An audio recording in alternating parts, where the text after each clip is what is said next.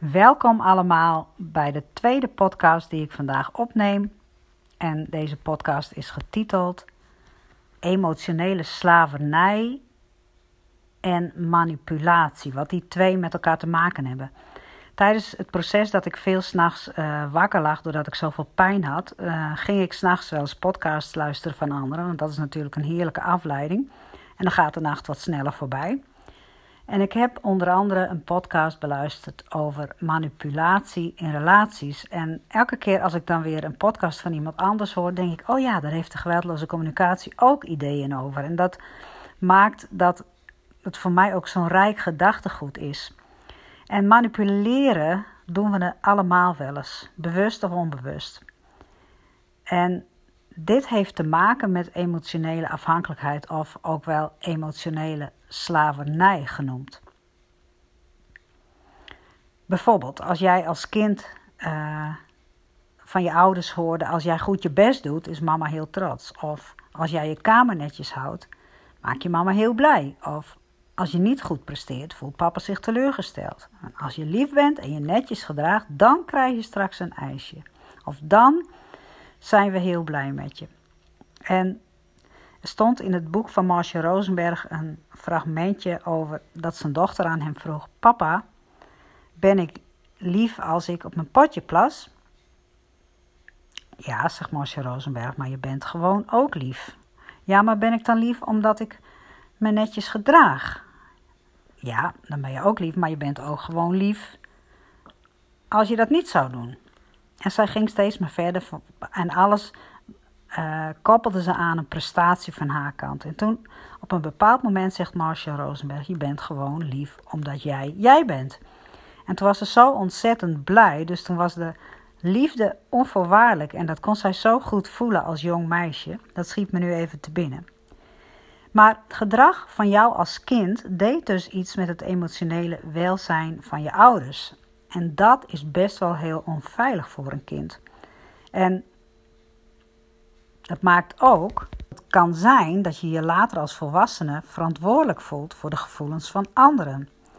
En dat je denkt dat je de ander gelukkig moet maken. En als de ander dan niet gelukkig is, dan voel je schuld. En dan voel je je verantwoordelijk en gedwongen om er iets aan te doen.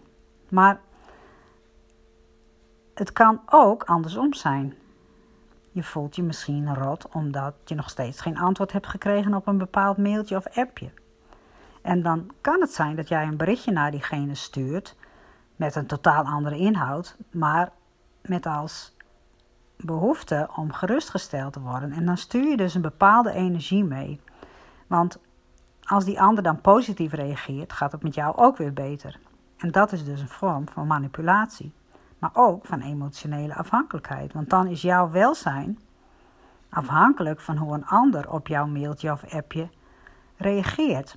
En als je daar afhankelijk van bent, dan kun je het je dus niet, kun je dus niet aan jezelf geven. En ja, dat is een vorm van manipulatie. En zo langzamerhand leer ik wel dat het mogelijk is om alles aan jezelf te geven. En tegelijk ben ik me er ook van bewust dat ik nog emotioneel afhankelijk ben van wat een ander vindt. Maar de bedoeling van ons leven is, dat denk ik, dat we ons daarvan vrijmaken. Dat we dus vrije mensen zijn. En dat we dus onafhankelijk van wat een ander vindt of doet, de dingen kunnen zeggen of doen die we echt ook zo voelen. Dat we dus echt zijn.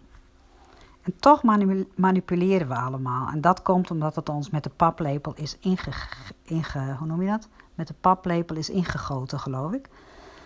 En dat is eigenlijk best wel heel verdrietig. Want als ik niet meer manipuleer, namelijk, hoeft een ander dat ook niet te doen. Dan is een ander ook vrij. En hoe mooi zou het zijn als we allemaal vrij zijn en de dingen doen vanuit ons hart en vanuit echtheid. En als je manipuleert, dan bedoel ik eigenlijk dat dat de ander zich schuldig gaat voelen als hij niet doet wat jij van hem vraagt. Dat je hem dat gevoel dan geeft. En de ander moet dan dus jouw leegte, jouw pijn opvullen, omdat je iets uitzendt puur vanuit een behoefte om zelf gezien te worden. Ik denk dat dat heel veel gebeurt. En ja, dat begint al bij jonge kinderen eigenlijk. Hè? Ze willen erbij horen en ze willen aardig gevonden worden. En dat zit natuurlijk ook in ons, want dat kind zit ook nog steeds in ons. En ja, een ander kan onze leegtes niet opvullen. Je kan nog zo vaak horen van mensen dat je oké bent of dat wat je doet oké is, maar als je er zelf niet in gelooft, dan, ja, dan, dan is het even tijdelijk. Dus het is een korte termijn geluk, zou je kunnen zeggen. En emotionele afhankelijkheid is misschien wel iets dat je ook ontzettend veel energie kost. En als iets je energie kost, dan kost het aan de andere kant creatiekracht. Het kan je ontzettend vermoeien en dan kan het ook nog zijn dat je de, de vermoeidheid en de stress projecteert op mensen die het helemaal niet aangaat. En dan bedoel ik natuurlijk je partner of je kinderen.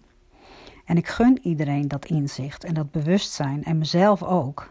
Maar vooral dat we er weer vrij van worden. Dat we vrij kunnen zijn, onafhankelijk van wat een ander vindt, van wat ik zeg of wat ik doe.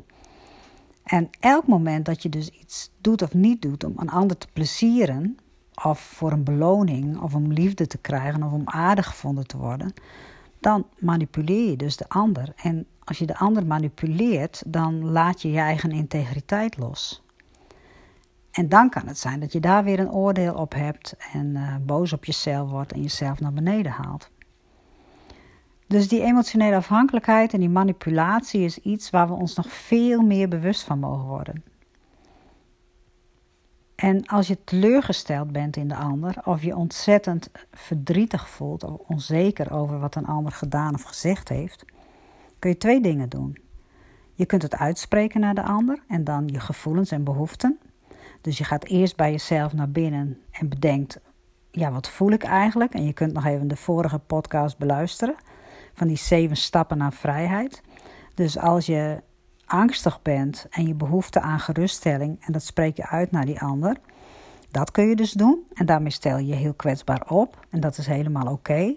Maar als je deze gevoelens veel vaker hebt in je leven en heel goed weet dat dit alles zegt over jou en jouw geschiedenis, dan kun je zelf je teleurstelling en pijn doorvoelen, waardoor je de ander niet per se nodig hebt. En hier kan een geweldige communicatie je bij helpen.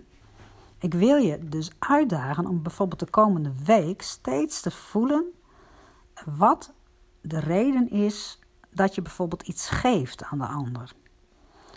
Geef je het vanuit plichtsbesef, vanuit een schuldgevoel, of om geliefd te zijn, of om erkend te worden? Je gevoel weet dat wel, echt wel. Ten diepste weet je waarom je iets uitzendt naar de ander. Let daar de komende tijd eens op. Dus als je bijvoorbeeld iets voor een ander doet, terwijl je het eigenlijk helemaal niet wilt, maar vanuit een behoefte doet aan geliefd zijn, wil ik je vragen om het niet te doen.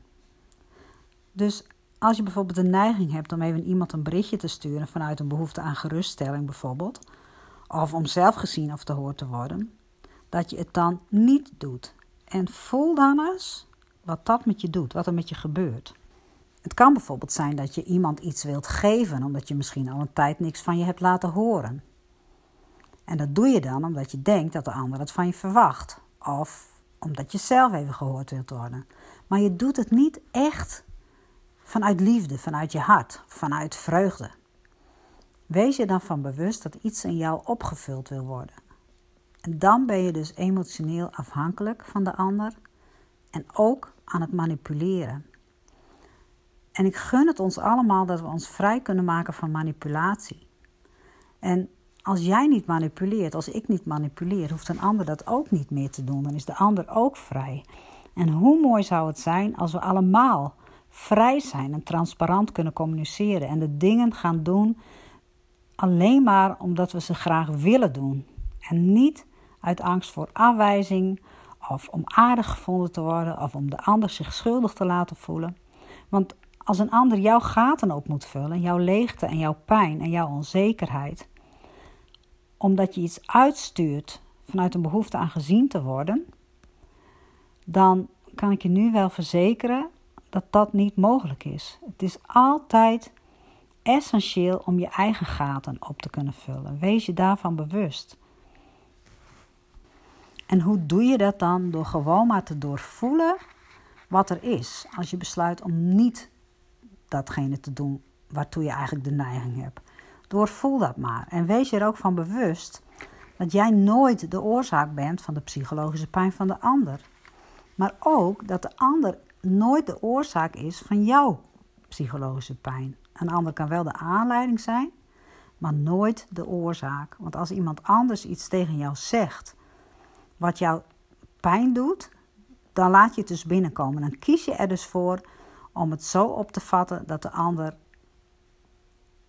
jou pijn doet en dat er een gebrek is aan jou of zo. Maar je kunt er ook voor kiezen om eens te kijken van vanuit welke plek zegt die ander dit tegen mij? Wat heeft die ander van mij nodig? Of wat heeft die ander sowieso nodig? Denk ook niet dat je een ander zich beter kunt laten voelen. Dat hoeft ook niet. Maar je kunt wel aanwezig zijn bij die ander als die met iets komt. Hè? Dat je de ander echt ruimte geeft om zich te uiten. Dus de ander kan jou je nooit rot laten voelen zonder de toestemming van jezelf. Jij kunt reageren op dat wat een ander zegt. Maar ook kan jij de ander zich nooit rot laten voelen. Er heeft ooit eens iemand tegen mij gezegd: Jij beschadigt mij. Toen had ik iets gedaan wat voor haar zo binnenkwam. Toen zei ze: Jij beschadigt mij. En ik heb het gewoon gelaten. Ik ben naar haar gevoelens en behoeften gegaan. Maar uiteindelijk kan ik haar niet beschadigen. Want zij neemt mijn boodschap in op een manier dat ze er zelf slechter uitkomt. Dus dat ze zichzelf slecht vindt. Ik denk dat ieder mens wel eens een bepaalde leegte in zijn leven voelt. Want we komen natuurlijk vanuit de eenheid. En op het moment dat je in deze wereld komt, is er al dualiteit. Dus dan is er altijd al iets van leegte, omdat je graag weer in eenheid wilt zijn. En omdat je graag in verbinding met, wilt zijn met alles en iedereen. Omdat eenheid een gevoel van ja, gelukzaligheid geeft. Dus je zult altijd pijn en leegte ervaren in je leven, want die horen ook bij het leven. Het is de kunst om dit te accepteren en om hierover te rouwen als het je heel erg bezighoudt of als het je in beslag neemt. Dus emotioneel afhankelijk zijn kost ontzettend veel energie en ontneemt je je creatiekracht. Het kan je ook ontzettend moe maken en je kunt het projecteren op mensen die het helemaal niet aangaat. Het is dus zo fijn als je vrij en onafhankelijk bent van wat anderen vinden. En dat je weet dat elk moment dat je iets doet of niet doet om een ander te plezieren, de ander aan het manipuleren bent en je eigen integriteit loslaat. De kunst is om emotionele vrijheid te realiseren in je leven. En wat is dat nou?